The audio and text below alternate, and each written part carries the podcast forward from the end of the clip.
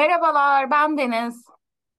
Merhabalar, ben de Olcay. True Crime Meçhule Giden Gemi Podcast serimizin 103. bölümüne hoş geldiniz. Nasılsın Deniz?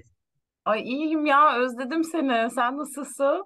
Ben de seni özledim. İki hafta yapmıyoruz efendim. Yani sizler için değil ama bizler için bir şey. Ara verdik kayda. Çünkü yeteri kadar bölümümüz vardı. Ee, bu sebeple seni özledim velhasıl. Nasılsın? Nasıl gidiyor? Evet Saçların ya. kızıl gibi şu anda ama kızıl değil aslında değil mi? Yok, güneşten dolayı öyle. Saçımda bir değişiklik yapsam sana karar veririm ki saçımı kestirmeye karar verdim bir sene sonra tekrardan. Bu bilgiyi sana sabah Oo. verdim mi? Hayır vermedin. Çok özür Bazı dilerim. kuaför işleri dedin bana Ha yok ve muallakta kaldı bu. Ya şey, şöyle ben saçlarımı kestirmekten nefret ediyorum çünkü çok saçma biliyorum. bir şey söyleyeceğim. Saçım kesilirken canım acıyor. Ya saçmalıyorsun ya. Böyle bir şey olamaz yani. Olabilir. Sana sen nasılsın demeden önce bir soru sor bin ah işit miydi? Neydi böyle? Neydi neydi kız o? Evet. Bir söyle bin işit gibi bir Evet. şeydi galiba. Dün başıma gelen bir olayı anlatmak Lütfen. istiyorum. Sormadın ama Lütfen. ben hemen anlatacağım. Ben sana sormak istemiştim aslında. Şimdi şöyle arkadaşlar Olcay benim hangi takımla olduğumuzu biliyorsunuzdur. Tipimizden belli. İkimiz de Fenerbahçeliyiz. Dün e, kötü bir olay yaşandı biliyorsunuz. O kısmı hiç girmeyiz diye düşünüyorum değil mi Olcay? tabii ki. Gerek yok. Neyse bizim evde bir tane Galatasaraylı var eşim. Bir ol Galatasaraylı. Ya sen bu nasıl yaptın bunu? Ya bilmiyorum bana bana çok takım tutmadığını falan söylemişti biliyor musun? Şimdi taraftar paketleri falan alıyoruz. Ben de anlamadım. Çok pis kandırıldım galiba. Hatta şey, bir şey söyleyeceğim. Evlenmeden önce gerekirse Fenerliyiz falan filan da demişti yani. Gerçekten demişti. Bulurum mesajı. kayıt altına alman gerekiyor böyle beyanları yani biliyorsun Evet ki bir ya. Allah iki Fenerbahçe üç uçe ya ya Evet. bunlar Geldi yine uça. Neyse. Neyse efendim bu kenarda dursun. Evde bir Galatasaraylı var. Maç sonrası beraber izledik yine. Normalde beraber izlediğimiz bütün Fenerbahçe Galatasaray maçları 0-0 biter bu arada. Neyse dün böyle bir durum oldu. Dün bir de evde bir sürü yemek yapmıştım. İnanmazsınız. Kinoalar, karnabaharlar bir yerde falan filan. Kinoa o harika. Sonra şey mutfak çok dağınıktı. Ben bunları toplayayım dedim. Malum olayın verdiği üzüntü üzerine biraz savruk bir şekilde ben çok sakarımdır bu arada. İşte bir şeyleri bir yere alıyorum falan filan. Bardak ayağıma düştü şarap bardağı. Allah Of. kahretsin. Bir kanadı. Bu arada bilmeniz gereken bir şey var. Böyle 103. bölümde bilmeniz gereken bir şey var. Arkadaşlar beni kan tutuyor. Ah ya. Bayıldın mı? Hayır. Sonra bir triplere girdim. Şey böyle Birol sakın panik olma falan dedim. Birol geldi. Panik değil tabii ki. Neyse. Kendimi işte sargıya aldım. Ben biraz uzanacağım dedim. içeride kendi kendime ahlayarak falan böyle. Sonra hafif morardı ve küçük bir çizik var aslında. Çok ciddi bir şok sadece anlatmak istedim. Sen nasılsın? Ya ben de işte e, dün böyle çok heyecanlıydım. E, çünkü bütün derbi günlerini çok seviyorum ben. Her ne kadar İzmir'de izleyebilecek bir ekibim olmasa da buna üzülüyorum ben ya. Çünkü derbi izlemek çok heyecanlı bir şey yani. Sonucu ne olursa olsun neyse. Neyse. Ee, sabah hatta Robin'le işte antrenmanlı bir şekilde başladık her zamanki gibi biliyorsun ki bizim o muhteşem şarkımızı seslendirdik kızımla. Hatta bir mahzun mor menekşeymiş o da. Bir masum mor menekşe değilmiş. Ben hep masum zannediyorum. Şimdi Mahsun Kırmızıgül'deki gibi mi? Mahzun ha ha evet. Mahsun mu Bir o Mahsun mu? mahzun mahzun mor menekşe ağlıyor. Uzun süredir e, kayıtta şarkı söylemediğimi fark ettim. O Evet. açığı kapatmak istedim. Her neyse. e, ya sonra tabii 752. doğum günü e, gerçekleşti. Kızımı götürmem gereken bu seneki 752. doğum gününe götürdüm. Falan filan böyle aksiyonlu bir hayat. Bu akşam İstanbul'a geliyorum tekrar. Bunun dışında da başka bir şey yok bende güzel kardeşim. Bir şey söyleyeceğim. Seni de kan tutuyordu değil mi? Ya beni kan tutmuyor ama ben bazı zamanlarda e, tansiyonum düşüyor ve mesela botoks yaptırırken evet tabii ki botoks yaptıracağım. Tabii ki yaptıracağım. 36 Tabii yaşında bir insanım. Hatta 37'ye gireceğim. Her neyse. E, Abi botoks yaptırıyorum. Yani iğneler, küçük iğneler ki ben, ben hayvan gibi dövme var yani. Orada da bir takım çizikler falan oluyor. Hiçbir şey olmuyordu. Ama demek ki kafama çaktırınca mı oluyor acaba o? ben bir git benim gözler bir kararsın. Herkes panik oldu falan. ya Betim benzin de solmuş anladığım kadarıyla. İşte böyle ay efendim yere yatın bilmem ne ayaklarınızı kaldırın bilmem rezillik. Paramla rezil oluyorum şekerim. Şekerim peki ne oldu sonra? Gel, bayıldın mı o an olmadı. peki? Sonra bir şey olmadı. Botoksumla hayatıma devam ettim. Pürüzsüz cildimle. İyi, iyi gözüküyorsun ama. Teşekkür ederim canım. Sen de iyi gözüküyorsun. Bütün erkek dinleyicilerimiz şu an yayını kaydı e, terk ettiyse devam edebiliriz. Aa, bunları öğrensinler. Daha çok şeyler öğrenmeleri gerekiyor hayata dair. Evet, Ee, zaman başka bir şeyimiz var mı? Fuzuli bilgimiz. Başlayalım mı artık olayımıza? Ay, bilmiyorum ki kendimle ilgili başka ne anlatabilirim. Başka bölümde anlatayım hadi. Hadi o zaman. Ee, son derece güncel bir olaya, e, olaydan bahsedeceğiz bu hafta.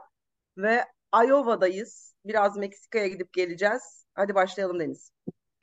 Evet, bas, başlıyorum. 66 yaşındaki Noah McGregor, onu tanıyanlara göre sevgi dolu bir anne, iyi bir öğretmen ve iyi bir arkadaştı. Fairfield'in Latin topluluğunda iyi tanınıyordu. Fairfield, Iowa bu arada.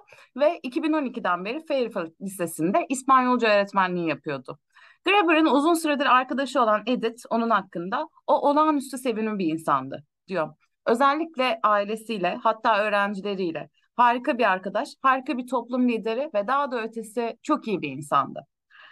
Çalıştığı okulun müfettişi Lori de onunla ilgili şunu söylüyor. Fairfield Lisesi'nde geçirdiği 9 yıl boyunca Bayan Graeber çok sayıda öğrencinin, velinin ve personelin hayatına dokundu. Peki 66 yaşında nasıl vefat etti? Neler başına geldi bu kadının?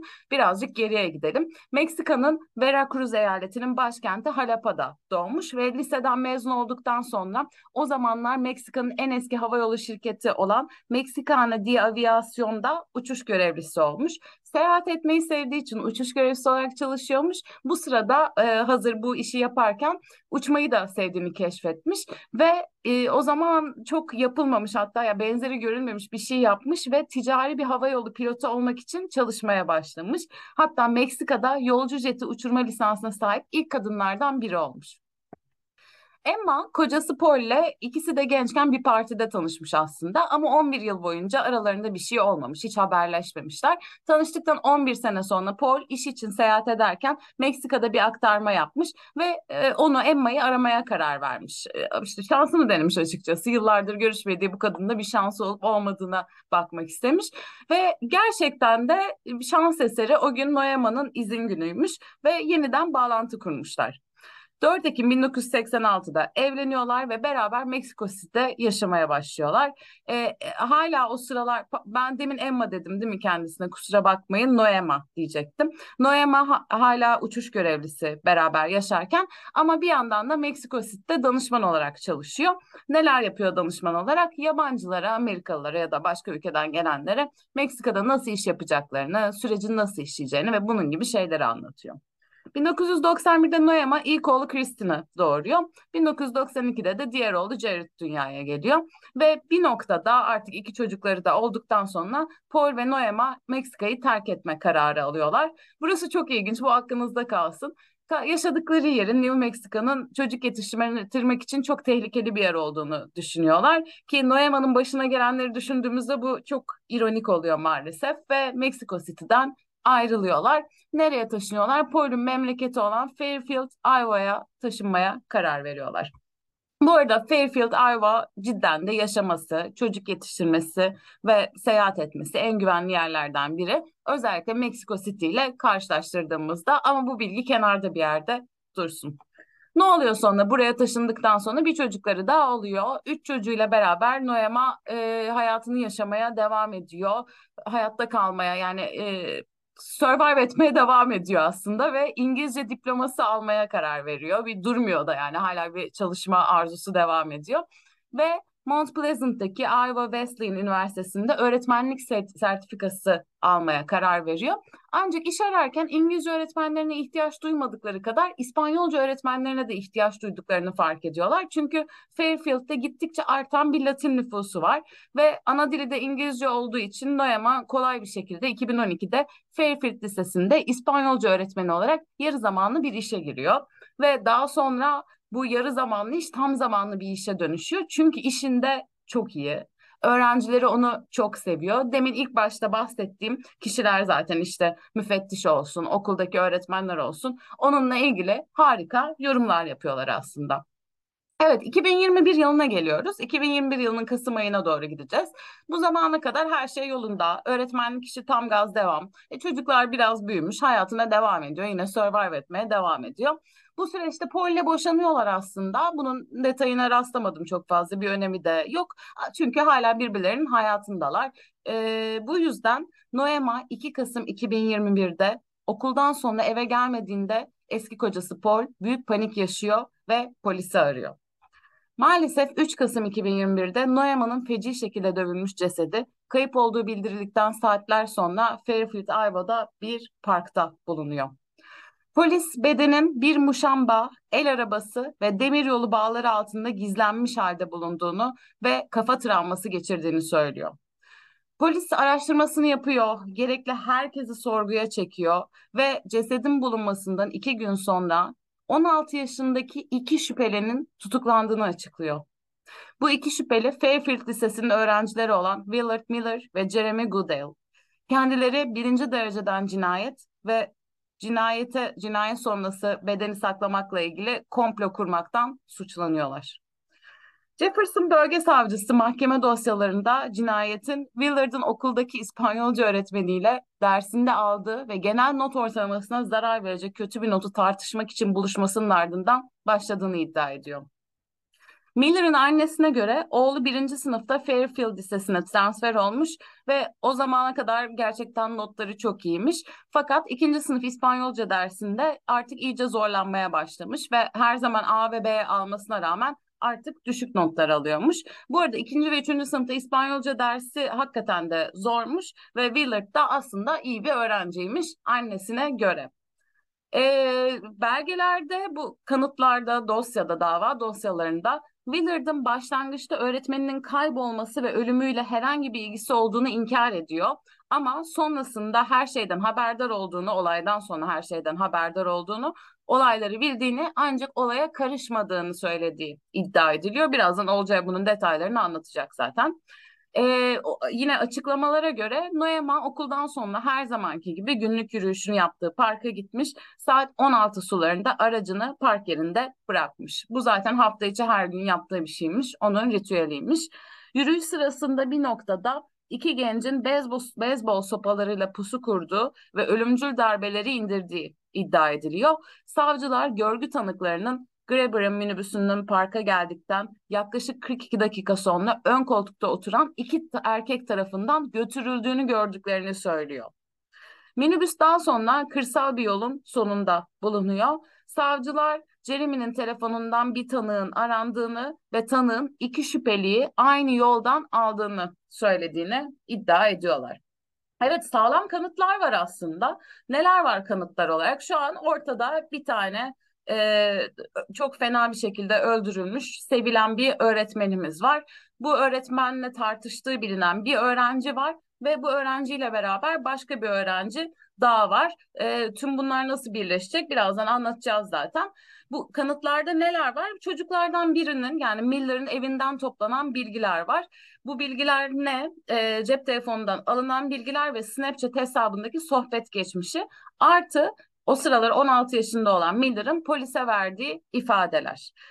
E, avukatı, Miller'ın avukatı şöyle bir şey yapıyor. Bu kanıtların ortaya çıkmaması gerektiğini söylüyor. Çünkü e, aslında bu kanıtların güvenilir bir şekilde alınmadığını söylüyor. Yani e, bulundukları ilçede ad, adil yargılanma şanslarının olmadığını söylüyorlar. Bu da davayı aslında karmaşık gri bir alana getiriyor. Çünkü masumiyet karinesi suçu ispatlanana kadar herkes suçsuzdur. Birazdan Olcay zaten detayları verecek. Yani neden e, iyi yürütülmedi süreç, neden polisler ne yaptı ona zaten tekrar geleceğiz. Ve Iowa Kriminal Soruşturma Dairesi ajanlarıyla yapılan bir mülakat sırasında Miller'ın Graeber'ın cesedini örtmek için kullanılan el arabasını evinden aldığını itiraf ettiği iddia edilmektedir. Yani aslında Miller olayın çoğu kısmını anlatmış o akşam. Ee, bir tanık da bu arada polise cinayet gecesi gece yarısından önce bir el arabasının sokaktan aşağı itildiğini gördüğünü söylemiş. Polisler ayrıca gençleri tanıyan bir tanığın cinayetten sonra yetkililere gösterdiği Google'ın Snapchat geçmişindeki kanıtlardan da bahsediyorlar. Yani aslında bu Snapchat'i zaten çocuğun telefonundan e, görüyorlar ama polise ayrıca biri yollamış ve bu Snapchat konuşmalarına göre demin bahsettiğim iki sanın, iki arkadaşın bu cinayetin planlanması, yürütülmesi ve delillerin yok edilmesine dair birçok kanıt e, kanıta sebebiyet verdiği, bütün kanıtların bu konuşmaların içinde olduğu söyleniyor. Bu mesajlar için arama emri çıkartılıyor ve e, Graeber'ın nasıl gözetlediklerini, yani öğretmenleri nasıl gözetlediklerini, onu nasıl öldürdüklerini, sonrasında cesedi nasıl ortadan kaldırdıkları, hatta kanıtları nasıl örtbas ettikleri hakkında ek ayrıntılar da burada varmış diyorlar. Evet Olcay peki ceza alınır mı böyle bir durumda? Ne neler olur? Bakalım neler oluyor. Çok ilginç Snapchat üzerinden bir cinayetin planlanması da herhalde son zamanların yine bize getirdiği meselelerden biri olacak galiba. Bu da enteresan bir detay. Şimdi bakalım ne kadar ceza alacaklar peki? Ne olacak bunlar? Hem Miller yani Willard Miller çocuklardan diyeceğim hem de Jeremy Goodall cinayet nedeniyle yetişkin olarak yargılanıyorlar. Çünkü e, Iowa yasalarına göre 16 yaş ve üstünde olan ve ağır bir suçla itham edilen herkes e, yaşına bakılmaksızın artık e, yetişkin mahkemesine sevk edilir ve yetişkinlerle aynı cezai prosedüre ve cezaya tabi tutulur. Eğer birinci dereceden hüküm giyerlerse, birinci derece cinayetten hüküm giyerlerse her biri de ömür boyu hapis cezasına çarptırılır. Ancak Iowa yasaları çocuk suçlulara en iğrenç ve ciddi suçlarla suçlananlara bile şartlı tahliye için bir fırsat verilmesi gerektiğini belirtir. Iowa Yüksek Mahkemesi 2016 yılında hakimlerin 18 yaşın altındaki suçlulara şartlı tahliye olmaksızın ömür boyu cinayet cezası vermesini yasaklamıştır. Yani bu durumda bundan sonra ne olacak sorusu akla geliyor. İki katil zanlısı ayrı ayrı yar yargılanıyorlar. E, Willard Miller'ın duruşması 20 Mart 2023'te, Jeremy Goodall'ın duruşması ise 5 Aralık'ta başlayacak. Başlangıçta ikisi birlikte yargılanacaktı ancak e, Jeremy'nin, Jeremy Goodall'ın avukatları davaları ayırmak için e, bir başvuruda bulunuyorlar ve başarılı da oluyorlar. E, başlangıçta Jeremy'nin avukatları e, iki davanın ayrılmasını istediler çünkü müvekkilleri töhmet altında bırakan açıklamaları yapan kişinin Willard Miller olduğunu iddia ediyorlar. Yani dolayısıyla orada herhangi bir şey e, bir şekilde Jeremy'nin bir e, bir suçu olmadığını söylüyorlar ve Jeremy'nin anlattıklarını Willard'ın anlattıklarıyla uyuşmadığını anlatıyorlar. Burada durum şöyle aslında e, Jeremy Goodall hangisi iki çocuğu ayıralım birbirinden. Jeremy Goodall Snapchat konuşmalarını gönderen kişi e, Willard Miller da bu e, öğretmenin İspanyolca dersinde kendisine e, düşük not verdiği ve dolayısıyla aralarında bir tartışma yaşanan kişi e, ve yani bu ikisinin birbirinden ayrılması e, gerekiyor bu aşamada ve e, daha sonra na, Graeber yani öğretmen ile yaşadığı söylenen tartışmanın ardından e, Jeremy'ye gittiler ve oradan da Jeremy'nin arkadaşlarıyla görüşüp Snapchat mesajları bu şekilde mi öğrenildi acaba diye soruyorlar. E, bir soru ortaya çıkıyor. Yani polis ilk başta arkadaşlar üzerinden Jeremy'ye ve Jeremy üzerinden de Snapchat mesajlarına mı ulaştı diye e, ve dolayısıyla Willard Miller'a mı ulaştı diye bir soru çıkıyor ortaya. Jeremy'nin avukatı Willard Miller'ın polisi Jeremy Goodall'a yönlendirdiğini iddia ediyor. Bu nedenle de Jeremy'nin avukatının eylem planı her şey için Willard Miller'ı suçlamak. Dolayısıyla da e, dava dosyalarının ayrılması gerektiğini söylüyor. Bu da belki de işe yara, yaramayacak çünkü e, Snapchat konuşmaları e, aslında Jeremy Goodall ve başka bir arkadaşı ve arkadaş grubu tarafı arasında gerçekleşirken aslında e, ve işte Willard Miller üzerinden bahsi geçerken Willard Miller o Snapchat konuşmaların içerisinde değil. Dolayısıyla e, burada da bir karmaşa söz konusu. Ekran görüntülerini polise gösteren tanık e, ve eğer Jeremy bu Snapchat konuşmalarına evet ben yaptım diyorsa bu Snapchat konuşmaları mahkemede kabul edilebilir olduğu sürece buna itiraz etmek zor olacaktır. E, bu noktada kabul edilmeyebilir.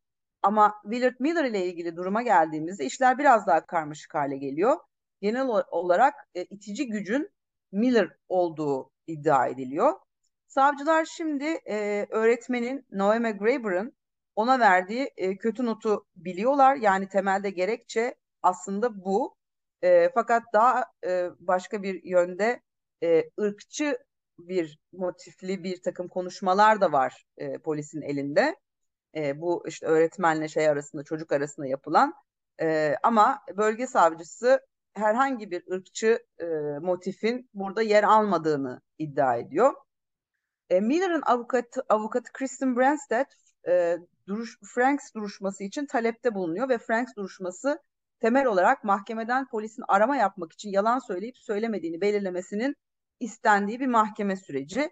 E, ve bu Willard Miller'ın ailesi ve hukuk ekibinin birçok iddiasından sadece biri yani polis e, yalan söyleyip bir takım e, bilgilere ulaşmaya çalıştı mı çalışmadı mı bu anlaşılmaya çalışıyor. Willard'ın annesine göre Kasım 2021'de sabah saat 5.30'da polisin kapısını çaldığını ve oğlunun İspanyolca öğretmeninin kayboluşu hakkında konuşmak için karakola geldiğinde oğlu Willard'ın şüpheli olduğunun kendisine hiç söylenmediğini e, iletiyor. E, Graeber'ın yani öğretmenin tüm öğrencileri ve velileri bu olayı çözmek için çözmeye çalışmak için toplanmış. Tüm öğrencilerin ve velilerin bir arada olduğunu fark etmiş. Öğrencilerle konuşabilmek için velilerden izin almışlar ama annesine herhangi bir şekilde bu olay iletilmemiş. Bu sırada e, öğretmenin öldüğünü bilmiyorlar. Sadece kayıp olduğunu düşünüyorlar. Bu yüzden oğlunun polisle konuşması için gereken belgeleri de imzalamış. Yani o sırada oğlunun herhangi bir şekilde bir cinayet dosyasıyla dosyasına e, la e, irtiba, yani ilişkilendirildiğine dair herhangi bir bilgisi yok. Ve e, oğluyla avukatsız konuşmuşlar ve o dediğim gibi oğlunun herhangi bir şekilde herhangi bir olaydan şüpheli olduğunda bilmiyormuş. Bu durumda anne polisin kendini yanlış yönlendirdiğini düşünüyor ve kendisine yalan söylediğini e, iletiyor, söylüyor. Oğlunun bir cinayet zanlısı olduğunu önceden söyleselerdi bu konuşmaya izin vermezmiş. Peki burada sen ne diyorsun mesela yani bu konuşur muydu konuşmaz bence tabii ki konuşmazdı. Yani ama şöyle bir şey var. Genel olarak hakikaten e, her şey bir yana genel hukuk çerçevesinde düşünürsek ama Amerika ama Türkiye neyse ne 16 yaşındaki çocuk ya zaten avukatsız konuşmamalı ya da velisiz. Yani Evet, bu evet, olay bence dışında da söylüyorum. Ne olacağı belli mi olur yani? Bence burada şey ya bu öyle bir konu ki bir noktada bence çocuk katil. Diğer arkadaş da olayı Evet. biliyordu. E, tam bir pislik. Ama e, olayın böyle işlenmiş olması yani polisin bu şekilde e, delil toplamış olması bu çocuğu şey bile yapabilir, olaydan kurtarabilir bile bence. Yani hukuksal Evet. şeyler takip edilmediği için. Sence? A- aynı fikirdeyim yani sonuçta ya Iowa yasası tamam ya şey diye olabilir ama 16 yaşından büyük diye onu yetişkin e, şeklinde ama yetişkin e, şeyine de uygun hareket edilmiyor. Çünkü tamamen yalan ya, yani herhangi bir e, şekilde bilgi verilmeden şey alınıyor. Yani İfade beyanları alınıyor, ifadeleri alınıyor.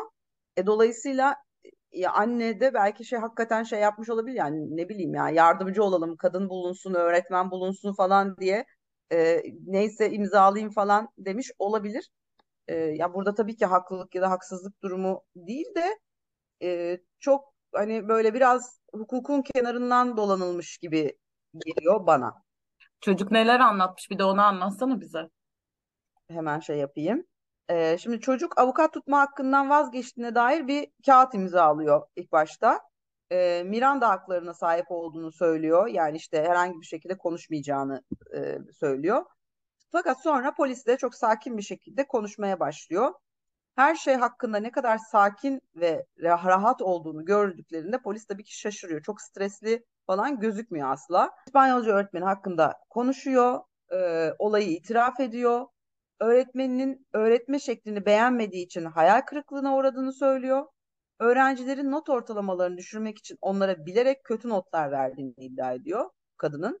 Cinayet sırasında orada hazır bulunduğunu ve cinayet sırasında tam olarak ne olduğunu bildiğini itiraf ediyor. Ama cinayetten kendisini el arabası almaya zorlayan bir grup maskeli çocuğu sorumlu Ee, öğretmenin cesedini taşımasına yardım ettiğini itiraf ediyor ve minibüsü parktan uzaklaştırıp terk ettiğini söylüyor. Kim suçlu burada? Yani zor bir soru ya. Ah, ya bu çocuk bana suçlu gibi geliyor, uyduruyor gibi geliyor. Ama diğer çocuk da bunu biliyor. Ona anlatıyor çünkü önceden beraber planlıyorlar benim anladığım kadarıyla. Bu arada biraz farazi konuşuyoruz bununla ilgili çünkü çok yeni bir dosya olduğu için daha yargılanma süreci demin Olcay'ın söylediği gibi Mart ayında başlıyor. Çocuklardan birinin Aralık'ta başladı, diğerinin Mart ayında başlayacak. O yüzden elimizdekiler eşliğinde ben ikisinin de suçlu olduğunu düşünüyorum ya. Sence?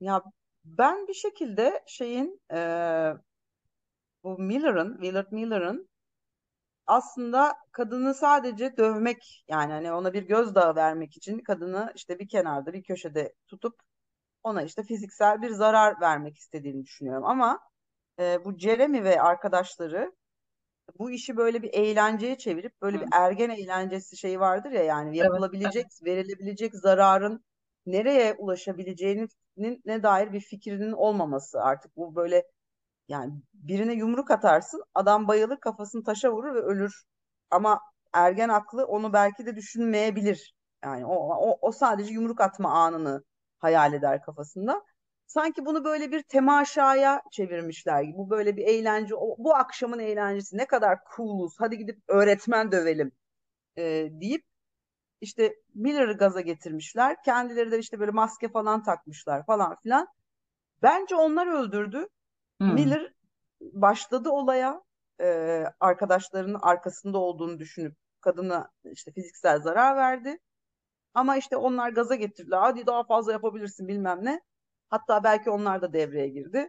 Öldürdüler. Miller'a bir de taşıttılar yani cesedi diye düşünüyorum. Yani herkes suçlu burada yani. Aslında olabilir. Çünkü bir yandan da Miller zaten kendisi gönüllü olarak konuşuyor o anda. Yani yalan evet. söyler mi? Söyleyebilir garip bir çocuk. Bir yandan dersleri de iyi. E, hırslı da bir tip. Yani hı hı. bilmiyorum. Sence aile aileyle ilgili bir yorumda bulunabilir miyiz? Bu elimizdeki çok az bilgi eşliğinde. Not baskısı var en azından belki. E, not baskısı mevcut belli ki. E, şeyle de e, evde de bir şişirme söz konusu olabilir işte. Ya şöyle konuşmalar gerçekleşmiş olabilir. Miller soy isminden hareketle ben böyle hani çok e, ya bir ya, e, atası Amerikalı olduğunu, ya beyaz bir Amerikalı olduğunu düşünüyorum Miller'ın. E, Willard Miller'ın. Yani beyazdan kastım şöyle Anladım. yani e, geçmişinde de e, ceddi de e, beyaz. E, dolayısıyla evin içerisinde ya işte İspanya İspanyolca öğretmeni hakkında zaten Meksikalı bilmem ne falan filan diye konuşmalar olmuş ve işte bir takım cumhuriyetçi açıklamalar yapılmış olabilir. E, ve çocuk oradan da gaza gelmiş olabilir. Wow. Diye evet. düşünüyorum. Çok iyi buldun. Her şeyi politikaya bağlıyorum. Yine her şey politikaya bağlandı. Yo yo olabilir gerçekten. Kadın da çok tatlıymış bu arada ya. Şey uçuş e, lisansı alması Ya evet. falan böyle sürekli kendini geliştirmesi çok şey yazık olmuş yani. Evet evet ya çok çok üzücü. Ama böyle bu beni mesela tedirgin eden bir şeydir. Yani öğretmenlerin özellikle lise öğretmenlerinin e, yani mücadele etmesi gereken çok fazla e, sorun var aslında yani. Çünkü her bir e, o yaş grubundaki öğrenci aslında e, yani şey hani böyle ergen deyip böyle hani aşağılama açısından söylemiyorum ama ergenlik çok zor bir dönem yani bir tür bir sürü duygunun e, havalarda uçuştuğu falan bir dönem. E, çok zor karakterlerle uğraşıyorlar ve dolayısıyla bu hakikaten böyle yani hiç beklenmeyen bir anda e, garip bir pozisyonda olmalarına sebep olabilir öğretmenlerin. E, o da benim beni hep tedirgin etmiştir yani lise öğretmeni asla olamam falan diye düşünürdüm mesela şey kendim liseye giderken. Ya bizim sınıfta arkadaşlar ateş yakmıştı mesela abi. Yani 15 yaşındaki bir arkadaş grubu e, yeteri kadar zekiler hepsi de yani. Hepsi çok iyi üniversitelerde falan okudu sonra.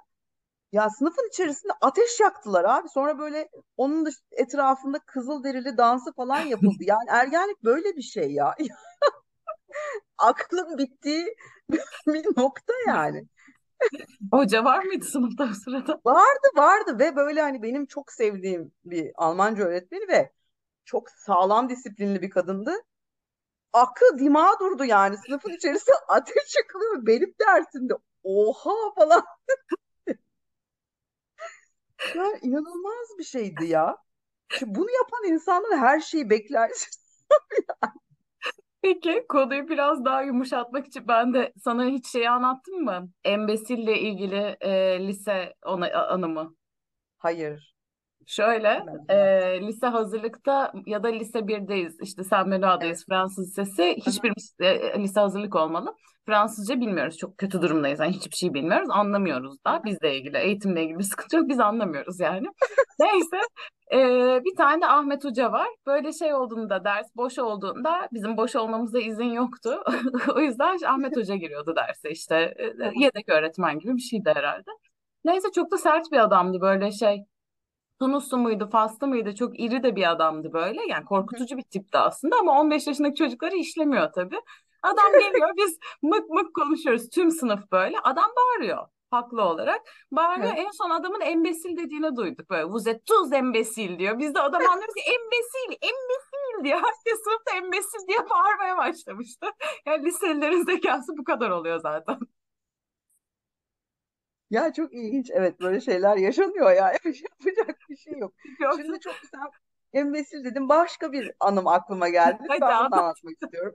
Üniversitedeyim. İşte Galatasaray Üniversitesi'ne şeyden girdiğim için Anadolu Lisesi'nden girdiğim için iki sene hazırlık okuyoruz. İkinci senesinde bir tane e, öğretmenimiz vardı hocamız. İşte Monsieur Jimeno. Monsieur Jimeno dünyanın en tatlı insanıydı büyük ihtimalle böyle çok komik e, şey aşağılama kalıpları vardı. Embesi, embesi de premier kalite vardı mesela. Birinci kalite embesi. Bence muhteşem yani bir laf. Ve bunun gibi bir şey bir sürü bir sürü şeyleri vardı. E, kendisini kanserden kaybettik. Üzülerek Aa, söylüyorum. Gülebiliriz ama çünkü ben gülmeye geçiyorum ya. Ölümle Tamam, ilgili tamam. bir şeyler olunca gülüyorum. Tamam. Kendisi de çok key- keyifli bir insandı. Eminim gülünmesini isterdi ölümünün arkasından. Çok güzeldi. Bunu an, anımı anlatmak ve Monsieur Jimeno'yu almak istedim. Ay ne diyeceğimi bilemedim. Ne oldu? Hepiniz kaldınız değil mi? Evet. Ya işte öyle gülerken üzerim insanı. Efendim olayla ilgili de başka gelişmeler oldukça işte dava sürecinde yine storylerde paylaşmaya devam ederiz. Bu arada bize sürekli kutudaki çocukla ilgili gelişmeleri yolluyorsunuz. Çok teşekkürler. Biz o konuyu işlemedik ki. Evet. Yani kutudaki çocuk da kutudaki çocuk. Ya da Aa, işleyeceğiz. şey, şeyi de hatırlatalım ya yine. e, Instagram adresi hesap ismimiz True Crime Meçhule Giden Gemi. E, tekrar bunu da hatırlatalım. Hatırlatmamızı söylemişti arkadaşlar. Oldu o zaman. Oldu. Hadi o zaman görüşmek üzere. Görüşmek üzere. Hoşça kalın.